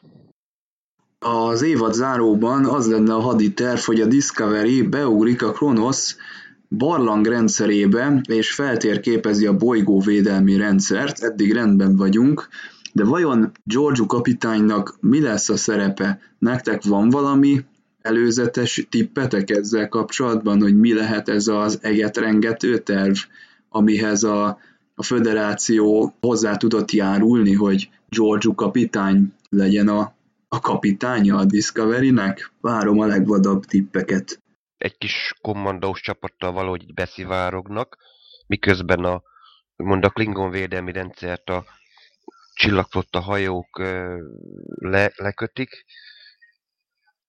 Tényleg az történik, amit itt láttam itt ilyen fantippekkel, hogy előszedik a jó öreg Plox-féle vírust, és akkor ismét úgymond emberszerűvé tesszük a klingonokat, vagy pedig valami valamiféle megint ugyanaz történik, mint mondjuk a terrani birodalomban, hogy itt aláknázunk mindent. A, bolygón azt mondja, rengeteg föld alatti vulkán van, és szerintem gyanítom, hogy valami pontot kijelöl mondjuk Giorgio, ahonnan, ahogy felrobbant valamilyen töltetet, és akkor gyakorlatilag újraéld a vulkáni tevékenység, és így gyakorlatilag a ipari civilizációja a Kronosznak gyakorlatilag szinte megsemmisül, vissz, klingonokat visszarobbantjuk a középkorba, vagy az őskorba szinte, mert Giorgio-nak itt van egy megjegyzése, hogy a Klingon bolygó az már szinte csak egy fekete por, és a Klingonok gyakorlatilag a szemét, szemétbe guberálnak, és rettegnek attól, hogyha ismét megtámadják őket. Valami, valami ilyen hátsó szándékot tudok feltételezni Giorgio esetében. Mondjuk az, hogy beúrik mondjuk a föld alatti üregbe a Discovery, egy ehhez hasonló egyébként van, Dűne esetét tudom mondani, nem filmbe, hanem a Frank Herbertnek a fi, fia egy másik szifíróval együtt megírta a Dűnének az előzményét, és ebbe is van egy olyan, hogy ott egy ligahajót, tulajdonképpen ott is a föld alatt tulajdonképpen betransportálnak szinte egy ilyen majdnem hasonló módon, mint, mint Stamets, hogy ott is egy élő navigátort használnak, és így azt lehet mondani, hogy tényleg ilyen minimilépre pontosan beugrik egy föld alatt teljesen zárt barlangba, tehát lehet, hogy olvasták az alkotók azt a bizonyos könyvet, vagy nem, de elvileg meg lehet csinálni, ma ahogy Stamets is mondja, hogy ugye spóráktól felpörgetve, ő elvéleteg, ő is látja, és pontosan be tudja navigálni a hajót. Ezzel kapcsolatban egy kis off-topic hír, hogy Danny Villeneuve egy új dűne megfilmesítés tervez, és azt hiszem az már akkor a harmadik lesz, mert volt ugye 84-ben ugye a David Lynch féle ö, nagyfilm, aztán voltak ezek a mini, volt ez a mini sorozat ugye a 2000-es ö, években, ami már ugye a, ugye a regénynek a többi kötetét is megfilmestette és hát gyakorlatilag már elég jó haladnak, és már van forgatókönyvírónk is, tehát Villeneuve megint elő áll valamivel a Blade Runner 2049 után egy szerintem hasonló látványvilágú mozifilmet váratunk majd. És visszatérve itt a Discovery-re, én örülök, hogy felvetődött ez, hogy az ellenségeskedés, amik kezdetektől fogva jellemzi ezt a sorozatot, tehát a, a Klingon birodalom fél az asszimilációtól, a beolvasztástól, a föderációnak a hatásától, a nyelvi hatástól. Ott van például Lörel és Cornwell admirálisnak a párbeszédbe, ahol ugye ez a homogenizációt, a beolvasztást mondja és veti személyre előrel az admirálisnak, és ez folytonosan elhangzik a Klingon emberi kapcsolatokban. A másik univerzumban viszont nagyon elbánt a Terrán birodalom a Klingonokkal, ugye fekete formasza maradt a, a Kronoszból, és ott guberálnak a klingonok, el se tudjuk képzelni, hogy mit műveltek velük. Tehát, hogy technológia révén, fegyverek révén győzték le őket, netán valami még extrémebb vagy embertelebb módszert használtak, hát nyilván a Terrán birodalomból kinézzük. És hát ezért felettébb gyanús, hogy George lesz a kapitány, és ő vezeti a klingonok elleni missziót, hogy itt, itt nem valami egyszerűen kémkedés vagy katonai célpontok meggyengítése lesz, hanem tényleg ez a teljes annihiláció. De a legizgalmasabb, hogy Szarek, meg a föderációs vezetés a csillagfotának a vezetése, hogy mehetett bele ebbe. Nagyon jól lehet tudni, mi történik a színfalak mögött, és itt a néző most kivételesen nem, nem Isten, nem lát be mindenhova, nem látunk minden párbeszédet, tudjuk, hogy például Szarek is eltitkolja a Börnem előtt, tehát a búcsúzáskor, amiről ugye Börnem, hát kicsit félve azt hiszi, hogy talán itt az utolsó találkozásuk volt. Nyilván mi tudjuk, hogy Szarek élni fog, már ha a Prime univerzumban vagyunk, és nem esetleg megint valami párhuzamos valóságban. De szerintem ezt már nem fogják még egyszer megjátszani. Tehát itt, itt most ezt a történetet fogják kivezetni a végére, erre leszünk kíváncsiak kik, és milyen döntést fognak meghozni azzal kapcsolatban, hogy meddig lehet elmenni, és mennyi alapelvet kell feladni a klingonok visszaszorítása érdekében. Mekkora árat kell majd fizetnünk azt is megkockáztam, hogy nem zárják le a Klingon háborút az első évadban. Pedig talán volt valami nyilatkozat, de hát ezek a sajtóinformációk néha egy-egy fázist képviselnek csak, tehát valamikor volt arról szó egy, egy riportban, hogy a másik évad már nem a Klingonok, Klingonok elleni háborúról szól, de tehát amilyen izgalmas tudna lenni, hiszen azért vártuk ezt. Tehát Klingonok az, az egyik legfontosabb faj a Star Trekben is a, a velük való viszony, legyen az akár háborús, akár itt béketárgyalások, akár ezek az elszúrt támadások, amik nagyon megdengítették most a föderációt. Nagyon kíváncsi vagyunk, hogy hogy jutunk el addig a szituációig, ami aztán az eredeti sorozatban látott klingonokig akár a kinézteket illeti, akár pedig a ö, akkori föderációs klingon viszony. Tehát az biztos, hogy valaminek történnie kell, tehát valahogy át kell vezetni ezt a szituációt majd körkapitánynak a korszakába. Persze van még addig néhány év, hát nem tudom, hogy hogy, hogy sűrűdik a cselekmény, de hát ez már a, legyen a, az íróknak a dolga. Tehát akkor mindenképpen valami radikális dolog fog történni, ez olyan szempontból egy kicsit hasonlít a Star Trek Renegades-re, hogy ott is összeállt egy olyan csapat, ami beavatkozásokat hajtott végre, amihez normál esetben a föderáció azt mondta, hogy ő köszöni szépen nem adja az arcát, tehát olyan jellegű missziók és bevetések vannak, ami már a, a flotta elveivel nem fér össze. Itt is erről lenne szó, hogy Georgiou itt szabad kezet kap, és utána a federáció azt mondja, hogy ja, hát ez az a Giorgio, aki a Terán birodalomból jött, ja, hát nem is tudtuk. Elnézést kérek. Lehet, hogy ez, ez képes lenne erre a föderáció vajon?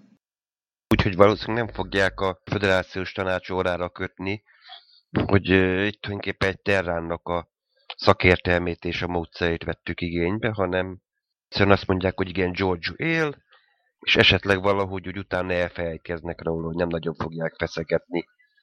Mert tényleg azt mondják, hogy na most akkor az eredmény igazolja a tetteket. Valami radikális dologról lesz szó, mert azért, ha megnézzük mondjuk már a, az eredeti sorozatot Kirknek a zéráját, azért a klingonok, mondjuk például Kort megnézzük, vagy mondjuk Kolt, vagy Koloszt azért, néha egész olyan barátságosan elcsevegnek körkel, hogy na, ó, az én kedvenc csillagfotta kapitányom, hogy valamely, valami történik a klingonoknál, hogy tiszteletet elkezdenek érezni a föderációs berek iránt, valami történik, hogy valami rájönnek, hogy azért mégiscsak van valami az emberekbe, hogy nem csak egy ilyen nagy beolvasztók, meg tisztátalanok, hanem ha egyes személyeket megnézzük, némelyikük akár úgymond akár egy, egy Klingon házba is beléphetne, és a tagfelvételnek nem lenne akadálya. Valami még ezen kívül, most itt az évadzáró epizódon kívül még valamitnek történnie kellene. Legalábbis a, ha itt logikusan gondolkodunk. Aaron Harberts úgy nyilatkozott nemrég egy interjúban, hogy a majd másik évad fogja elhozni a fényt, tehát ez a sorozat, vagy az évad a háborúról szól, vagy a sötétségről, és amint egy sötét alagút, amin keresztül kell mened, hogy lássad a fényt, de hát a Star Trek mindig is abszolút a reményről szól, optimizmusról és a békéről. Ezt majd a másik évadban fogjuk megtapasztalni.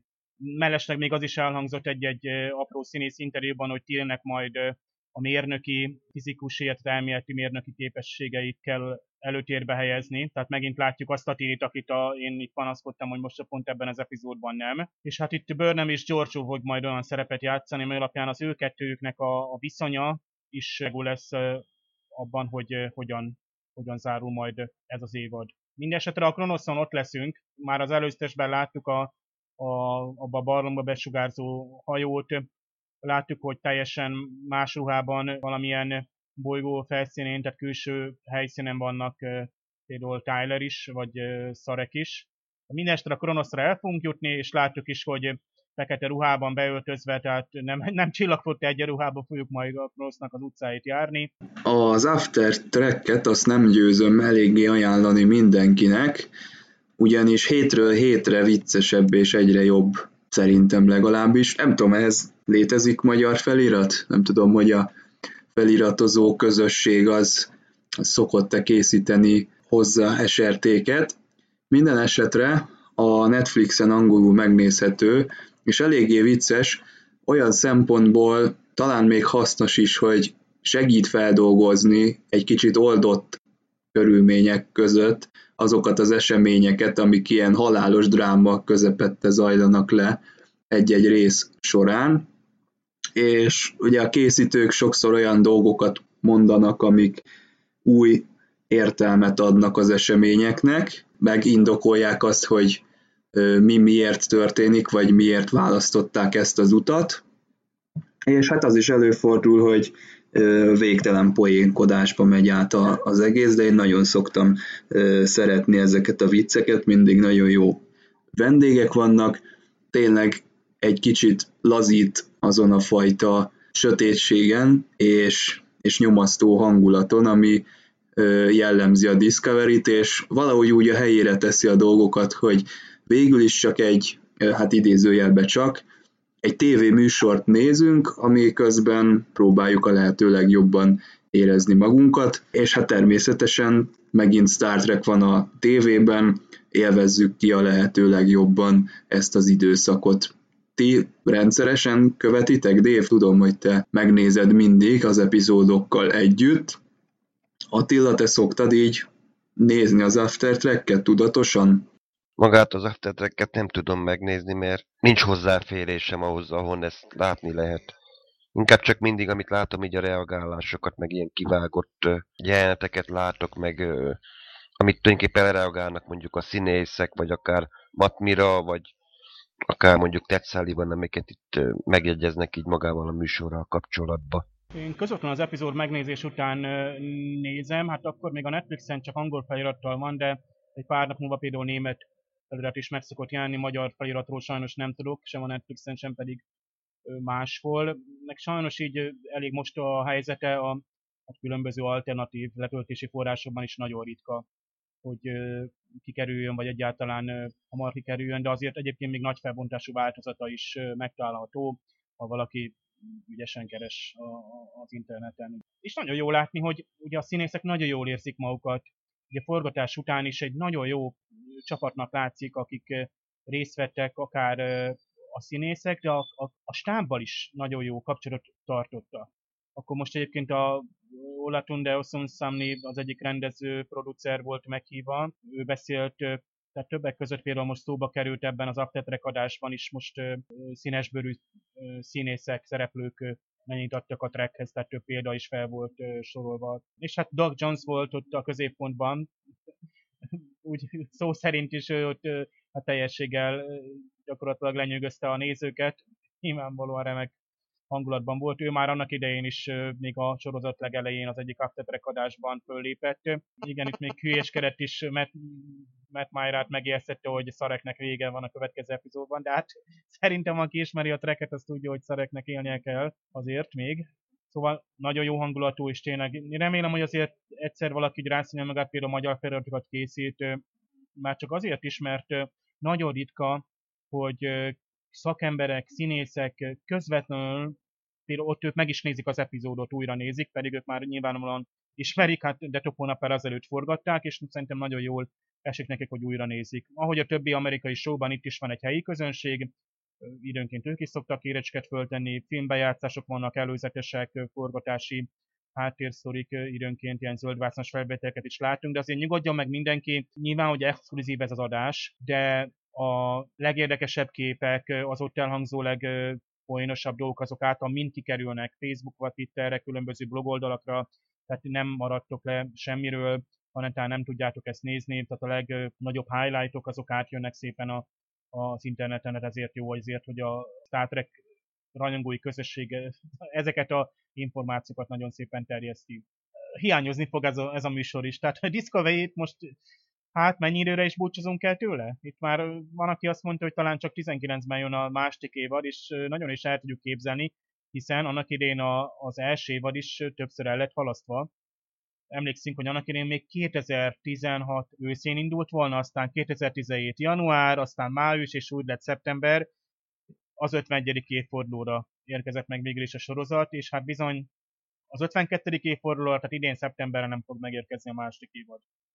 De megint mondjuk azt, hogy nem baj, igenis, hogy az írók zárkozzanak be, üljenek le egymással is, de akár még a színészekkel is. Itt tudjuk, hogy itt is a színészek nagyon jól összedolgoztak, tehát létrejött az a kohézió, ami a, stábban, egy ideális stábban, egy hosszú sorozatban megvalósul, és itt mindössze 15 epizód alatt januártól októberig zajlottak a forgatások, és ez alatt nagyon összekovácsolódott a legénység. Én megkockáztam, legénység, a stáb, a színészek. Én megkockáztam, hogy hasonló volt, mint amikor tényleg a, egy csillagfot a hajónak a fedélzetere lépnek az új legénységi tagok, és akkor néhány hónap múlva már azért néhány pillantásból is le tudják, hogy mit szeretne a másik. Vagy gondoljunk arra, hogy például a Next Generation sorozatnak a színészei, hogy összekovácsoltak, hogy még 30 év elteltével is milyen kapcsolatot ápolnak. Erről szerintem Attila, te nagyon sokat tudnál mesélni, hogy ők mennyire összetartóak még most is. Tehát ez a reunion, amikor a TNG-nek a stábja összejön, a színészek azok szinte hiánytalanul jelen vannak, és félszavakból megértik egymást, pedig azért már ott is kopaszodnak, deresednek, idősödnek a színészek, de például látjuk Attila szerintem alátámasztott, hogy Marina Sirtis gyönyörű szép most is. Többi hölgyel színésznővel nem nagyon találkoztam mostanában, de őt azért hál' Istennek folyamatosan látjuk.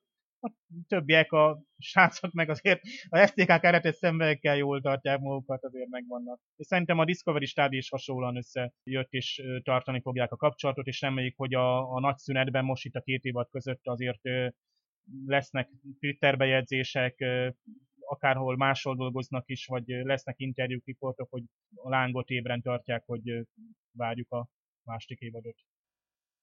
Tényleg itt mai napig egyébként egyrészt össze is járnak, mert nagyon sokszor feltesznek képet mondjuk a TNG-nek is a szereplői, amikor valahogy összekerülnek, és akkor tényleg, itt, tényleg egymásnak a képeit megosszák, és bizony még most is mennek bizony poénok, amiket mi így nagyon az ősfannak kell lenni ahhoz, hogy megértsük, hogy miről van szó, de tényleg én is ezt már többször így megjegyeztem máson is, hogy tényleg nagyon a Discovery-nek a csapata színészektől kezdve azt mondom tényleg az utolsó kameramannik tényleg itt nagyon jó, nagyon jó hangulatban tudnak dolgozni, hogy mintha nem is egy munka lenne, hanem tényleg itt a saját saját örömükre csinálnák az egészet, és tényleg látszik, hogy azért nagyon sok poén meg is jelenik egyébként a különböző társi szünetekbe is, azért gondoljunk csak arra, hogy mondjuk Michel Yeoh leül, és mint egy duzogó kislány ott ül, és és azt mondja Ted Sullivannek, hogy hát miért kell nekem az egész jelenetet térdelve így játszanom. Tényleg itt rengeteg poén van egyébként, aki tényleg folyamatosan figyeli őket. Azt mondom, 30 éve nem volt ilyen ilyen összekovácsolódó csapat, mint, mint most ismét a Disco esetében. Hát a Discovery első évada az egy eléggé átmeneti időszakot vázolt fel, ugye kezdve itt Burnhammel, akinek az útja már egy eléggé tekintélyes ívet írt le, de úgy általánosságban is elmondhatjuk, hogy eseménydús volt a helyzetek sokasága. Ugye itt egyik dimenzióból a másikba estünk, a háborúnak is voltak csúcspontjai, illetve voltak olyan idők, amikor leült. Nekem lennének itt kérdéseim a végére hagyva ezzel kapcsolatban. Az első az az lenne, hogy a második évadra szerintetek rendeződni fog-e olyan tekintetben a helyzet, hogy egy stabilabb mondjuk legénységi összeállítást látunk. Gondolok itt arra, hogy lesz-e egy állandó kapitány. És ha igen, akkor vajon ki lesz az?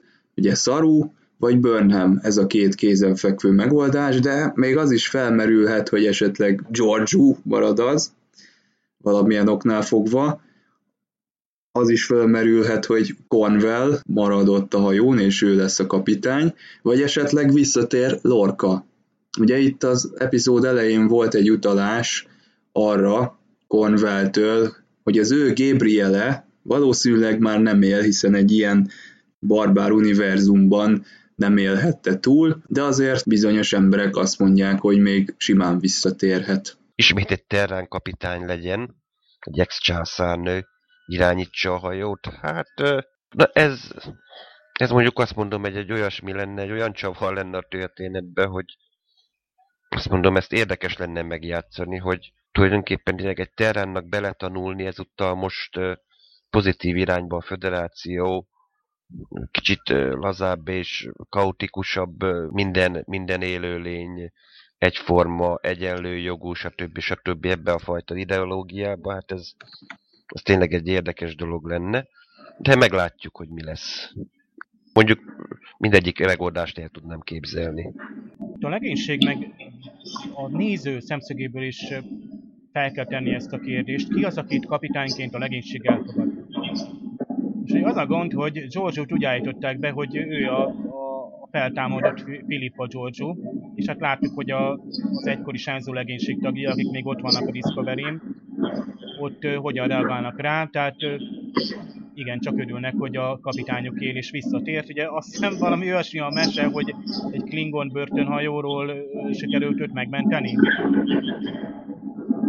hogy mégiscsak túlélte azt a missziót, akciót, amit Börnemmel hajtott végre. Ugye Börnemet onnan kisugározták, és hát ugye a legénység többi tagja nem tudta, hogy mi lett igazából a kapitánynak a, a sorsa. Csak Börnem beszámolójából, de mi van, mégis túlélte, és lám túlélte. Tehát egy hihető sztorit adott elő a Cornwell, illetőleg a Szarek. Viszont Lorkával kapcsolatban jó lett volna, ha jó, nem lett volna jó, nem akartuk, hogy kiderüljön, hogy ő valójában tüköruniverzumból származik, de ha már úgy kellett csinálni, hogy ő tüköruniverzumból származik, akkor mi lett volna, ha mondjuk a felénél derül ki mondjuk az évad felénél, és a néző így végigizgulatta volna, hogy a Lorca hogyan tartja magát, és hogyan veri át a legénységét. Akkor egy picit nagyobb tétje lett volna, mert akkor jobban odafigyeltünk volna azokra a mozzanatokra, és együtt izgultunk volna, hiszen már azért lehet, hogy akkor is már szimpatikus lett volna, és akkor azt mondtuk volna, hogy na jól van, végül is lássuk, hogy hogyan él túl egy, egy tükör univerzumbeli kapitány itt a, a békés és pozitív szemléletű föderációs területen. Másik oldalról Giorgio azért sem lenne jó, mert Szarut már nagyon szépen építettük fel kapitánynak. Már a Sanzon is ő nagy tiszteletben állt, és a discovery pedig egy lineárisan láttuk, hogy fejlődik a, a karaktere és a, a karrierje is, tehát ő a kapitányi székben nagyon jól néz ki. Ne, és ne feledjük el, hogy ő lenne az első földön kívüli kapitány. Tehát eddig még nem láttunk csak is emberi kapitányokat csillagfott a hajók élén a Star Trek sorosztokban. Egy újítás lenne a, a Star Treknek az univerzumában is.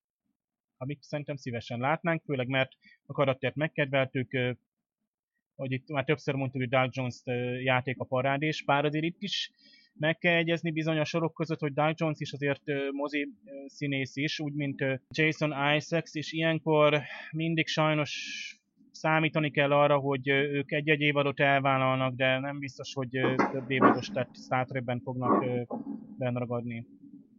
Tehát mondjuk persze erre például lehet Patrick Stewart, bár ő, ő igazából az után vált jobban moziszínészé mondjuk a, a Next Generation után. Tehát ő, ő neki sikerült kitörni abból, a, amit a, a Star Trek jó pozitívan is jelent a rajongóknak nyilván, de más oldalról azért csak ragad valaki abban az univerzumban, és ő lett örök repikár kapitány. Főleg, hogy azóta nem is változott fizimiskája, tehát bárhol látjuk interjúban azonnal a Picard kapitány jut eszünkbe, ha bár tényleg most lehetne mondani X professzort is. Ezt egyébként mondtam erről, hogy a tudod, hogy azt mondjuk mindig, hogy na, szabadságát mindig kiveszi a bakun. Egyébként. Tényleg, tudod. és visszafiatalodik, logikus. Igen, na jó, de viszont logikus, hogy egyébként rájöttünk így a ö, rajongókkal egyébként, hogy nem értjük például, hogy Marina Sirtis is nem öregszik. Hát én meg jeleztem a többieknek, hogy igen, hogy neki is van egy privát kóniai térkapuja a Bakura, és belájkolta, tehát igaz. Csak, gyanú, gyanúsak ezek a track színészek, vigyázzunk. Igen, hát a többiek is elég jól tartják magukat, talán azért, mert annyira ö, aktívak maradtak. Ez például nekem nagyon tetszik kifejezetten, amikor itt van például Jonathan Frakes, de tudjuk, hogy Robert Duncan McNeil, Lever Burton is például rendezéssel foglalkozik. Roxanne Dawson elég sok ö, sorozat rendez. Most minap például a Marvel's Runaways új sorozatnak többször is láttam, hogy ő volt a, rendezője. Egyébként egész elfogadható ez a sorozat az inhumans szemben. Visszatérve még még egy mondat a kapitányhoz. Én szívesen látnék egy lázadást a, a Giorgio ellen. Méghozzá, hogy a bőr nem lázadjon, és zárjuk le ezt a kört. És akkor egy szép kerek egészet alkot az évad. Valami olyat, olyat gondolsz, mint ami volt mondjuk a Battlestar Galaktikába? Volt tudod, amikor fellázadtak Adama ellen. És tényleg olyanok lázadtak fel, akire nem is gondoltunk. Mindig olyan, olyasról, aki lázad, akire nem gondolsz. Tehát most a Burnham, aki anyaként tiszteli és szereti a George-ot, ő először sem akart zendülni, és amúgy is nem is egy klasszikus zendülés volt, tehát olyan értelemben nem szított lázadást, hanem ő hozott egy személyes döntést, ami alapján ő azt gondolt, hogy igaza van. Ugye, akik a, a Reset teória mellett állnak ki, így rajongók, ami arról szól, hogy a Discovery a spórahajtómű segítségével és a Stametsnek a navigációs képességét segítségével képes az időben is utazni, és visszafelé utazik, és majd lenullázza az egész eseménysort, és visszaugrunk a kettős csillag csatájához, és megakadályozzuk Burnhamnek az első rossz tettét is, ha bár lehet, hogy pont nem akadályozzuk meg. Visszaugrunk a kettős csillaghoz, és a vulkáni helóval üdvözljük a klingonokat. Tehát ott bekeményítünk egyszer, és megelőzzük azt, hogy így elharapozzanak. Szerintem van esély egy lázadásra, mert az After Trackben látott sneak peek jelenetben a Giorgio eléggé elszemtelenedik, tehát ott a szaruval kapcsolatban olyan hangnemet üt meg, ami már túlzásnak tűnik, és szerintem van rá esély, hogy ez a Giorgio ez a fejére fog nőni ott az egész legénységnek, és valamit csinálni kell majd vele. Tehát én nekem az a tippem, hogy igen, itt valamiféle lázadás biztos, hogy lesz. Ha úgy vesszük, ez egy kvázi lázadás, igaz, hogy a legénység nem tud róla, hogy melyik George-ról van szó, de azért ő egy oda helyezett kapitány, tehát ilyen értelemben így nem lehet klasszikusan zendülni ellene, mert ez egy rendkívüli helyzet, de persze majd meglátjuk, hogy hogyan fog alakulni pontosan. Utolsó kérdések. Tyler és Burnham. Fog még folytatódni ez a dolog? Vagy végleg szakítottak? Itt ugye eleve fölmerül a kérdés, hogy mi lesz Tylerrel? ő, ő már nem kaphat rangot és beosztást, tehát ő most egy ugyanolyan útnak az elején van, mint a Discovery sorozat elején a Burnham, és a Burnham utalt is erre, kettejük közötti beszélgetésnél. Vajon van számára olyas valami megváltás, mint ami Burnham számára rendelkezésre állt itt, a, itt az évad elején? És egy apró kérdés, Lirel vajon átáll-e a föderáció oldalára. Hát ez kettő az egyben, de remélem nem baj. Tyler, mivel én egyedi személyiség a Discovery-n, sőt, tulajdonképpen azt mondhatom, hogy a Discovery-nek minden személyének van valami különlegessége, hogy egyik se egy tipikus, eddig megismert csillagflotta tiszt, hogy mindig valami újdonságról, tehát neki is van létjogosultsága, főleg, hogyha a még a második évadban nem zárjuk le a Klingon háborút, tehát az ő szakértelme akár létfontosságú is lehet. Az emlékezzünk például az első kapcsolatfelvételbe is Riker megmondja Pikárnak, hogy, hogy bíznak benne, nem bíznak benne, de viszont azt mondja, az, az ostobaság a csillagflotta részéről, mert a tudása a borgról, egyed, egyedülálló tudása a borgról gyakorlatilag létfontosságú lenne a borg háborúban. Tehát itt egyfajta ilyen Lukutus szindrómáról is beszélhetünk Tyler esetében, hogy szerintem nincs lefutva a karaktere, tehát biztos, hogy kaphat szerepet. Lörel esetében, hú, hát igen, hogyha most Burnham mondjuk ad, ad még egy esélyt Tylernek, akkor itt megint egy ilyen érdekes szerelmi száromszög is kialakulhat, mert azért mégis valamennyire, még mindig Lörel valamelyes, valamilyen szinten vonzódhat Tyler Jant, aki, aki egy darabig Voknak a személyiségét hordozta. Megkockáztatnám mondjuk, hogy egyfajta tanácsadóként ő is maradhat mondjuk a Discovery-n, ha más nem valamilyen mondjuk Conver admirálisnak valami szeme és füle, mert biztos itt valamilyen ilyen kapcsolat már van így Convel és Lörel között, hogy valamilyen közös platformra eljutottak, tehát lehetséges. A karakterek nem véletlenül kerültek be, tehát Lörelnek az átáll, kvázi átállása, ha ideiglenesen is, mondjuk, teszem azt, a háború alatt mindenképpen elképzelhető. Igen, és ne feledjük azt sem, hogy a Lörel Mokály házból származik anyai ágon. Márpedig ott a álságos megtévesztés és a kémeknek a gyülekezetéről beszélünk, vagyis várható még, hogy taktikát vált. Ne feledjük, hogy amikor Cornwell admirálisnak is a szabadulást ajánlotta fel, akkor is ő kért cserébe valamit, hát neveztesen, hogy ő, ő is mint diszidáns akarta Discovery-re jönni, de tudjuk, hogy miért. Ugye? Mivel akkor már itt volt Tyler, azaz Vok. Másik, hogy mi lesz Tyler és Lörel között. Hát Tyler voltak éppen most már csak egy üres hüvely.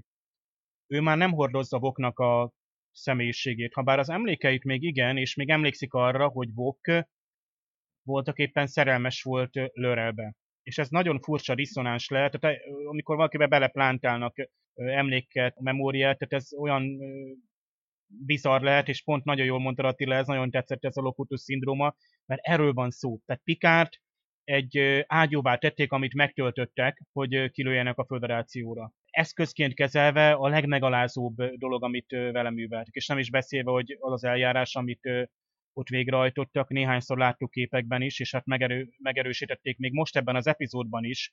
Tehát Tyler még most is elmondja, és szerintem én föl se idézem, hogy milyen ö, szenvedésen esett át azon orvosi eljárás során, ami, aminek során a bokkot végül is emberi kinézetévé alakították. Lassanként az egész Discovery gyengékedője az ilyen rehabilitációs klinika lesz, mert mindenkinek be kell feküdni hosszabb időre, mert olyan bűntudatokat is, olyan bűntudatot és terheket hordoz, amit vagy jóvátétellel tartozik másoknak. Tehát itt most gondoljatok bele, hogy Tyler integrálják a legénységbe, és a másik évadban ő mondjuk most aktív, lehet, hogy a rang nélkül, vagy poszt nélkül, de akkor is ott lesz a legénység körében, és például azért Stametszel csak kell találkoznia. És Stamets is tudja, hiszen az ugye abban a nagyon drámai párbeszédben láttuk, hogy voltak éppen tudja, hogy miről van szó, és érzelmileg nem reagálja túl, bár azért azt el kell mondani, hogy Stametsben ekkor már elindult egy gyógyulási folyamat, főleg azért, mert ő hát találkozott Carver a szellemével, ha szabad így mondani, a micélium hálózatban, és ott végül is megtörtént egy a gyógyulásnak az első lépése. Tehát ott, ott el, el tudta már engedni olyan, olyan, olyan szinten, hogy ilyen módon Tylerre se úgy reagál már, hogy ő ölte meg a, a szerelmét. Főleg, mert orvosilag pláne ő is már tudja, valószínűleg is belátja, hogy kettős személyiség egymással küzdő két személy egy testben, már eleve az is akkora teher, nem is beszélve arról, hogy valakit irányítanak. Azt se feledjük, hogy itt Lörel akarta irányítani Bokkot, tehát még a, nem, is a, nem is csak arról van szó, hogy a Tylert beletuszkolták egy átalakított testbe, vagy a Tylernek az emlékeit, vagy személyiségét, hanem magát Vokkot is megalázták, őt is ugye saját testétől, Klingon mi voltától megfosztották, és kivált kép az, hogy a Lörel őt eszközként akarta használni. Tehát ők is csak irányítani akarta, hogy a nagy terv végrehajtásában, és ezért olyan magára hagyatott most a Lörel, mert most már semmilyen támasza nincsen a hajón. Cornwall admirálissal szemben sem tud, nincs, nincs ütőkártyája, habár volt éppen az admirális életét ő mentette meg, kvázi, de azért itt, itt lesznek még nagy játszmák. Láttuk az előztesbe például, hogy, hogy Giorgio és Lörel között bizony nagyon el fog durulni az egyik párbeszéd. Hát igen, a nagy játszmákig, eldurvuló párbeszédekig már igazán nem kell sokat aludnunk, főleg azoknak, akik ezt az adást hallgatják, azoknak már egészen keveset kell kibírniuk a fináléig. Nagyon várjuk, Fekete Riadó, iránya Kronosz, jövő héten találkozunk.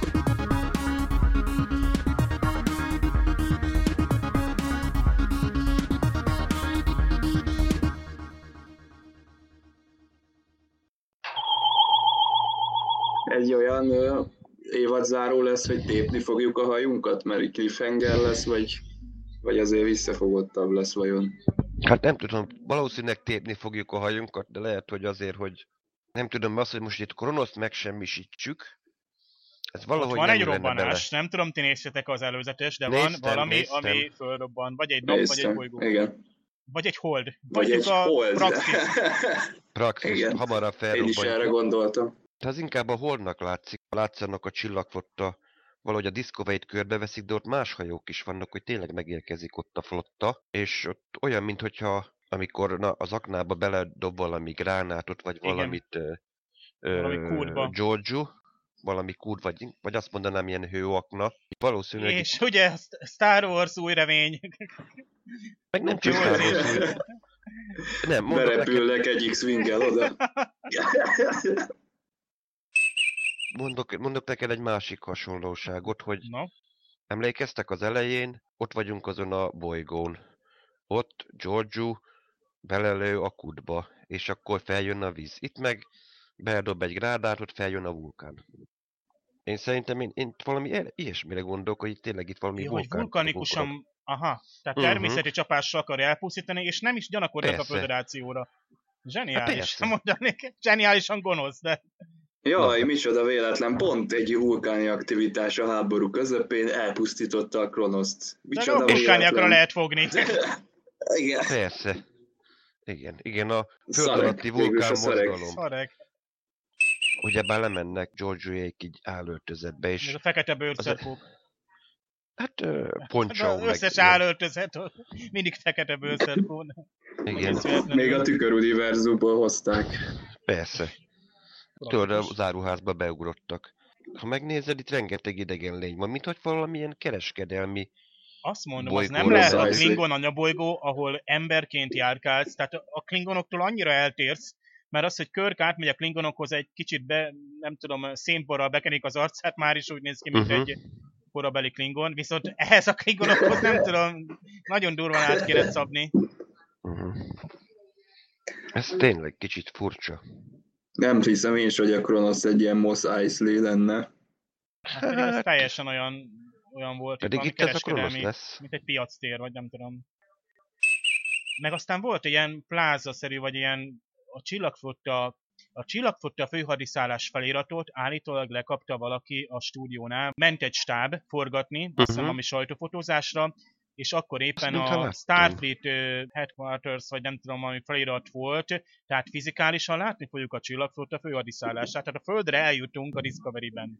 Ami hihetetlen. Jaj.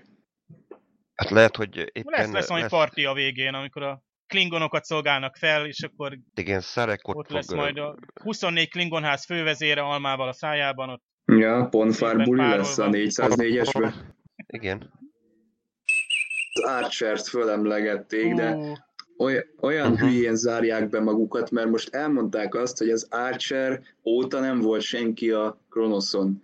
De most megint jön majd egy olyan sorozat, amivel becélozzák a két idővonal, vagy a két időpont közötti tartományt, és akkor majd megint vakarják a fejüket, hogy jaj, de jó lenne itt a klingonokat bevonni, meg a Kronoszra elmenni.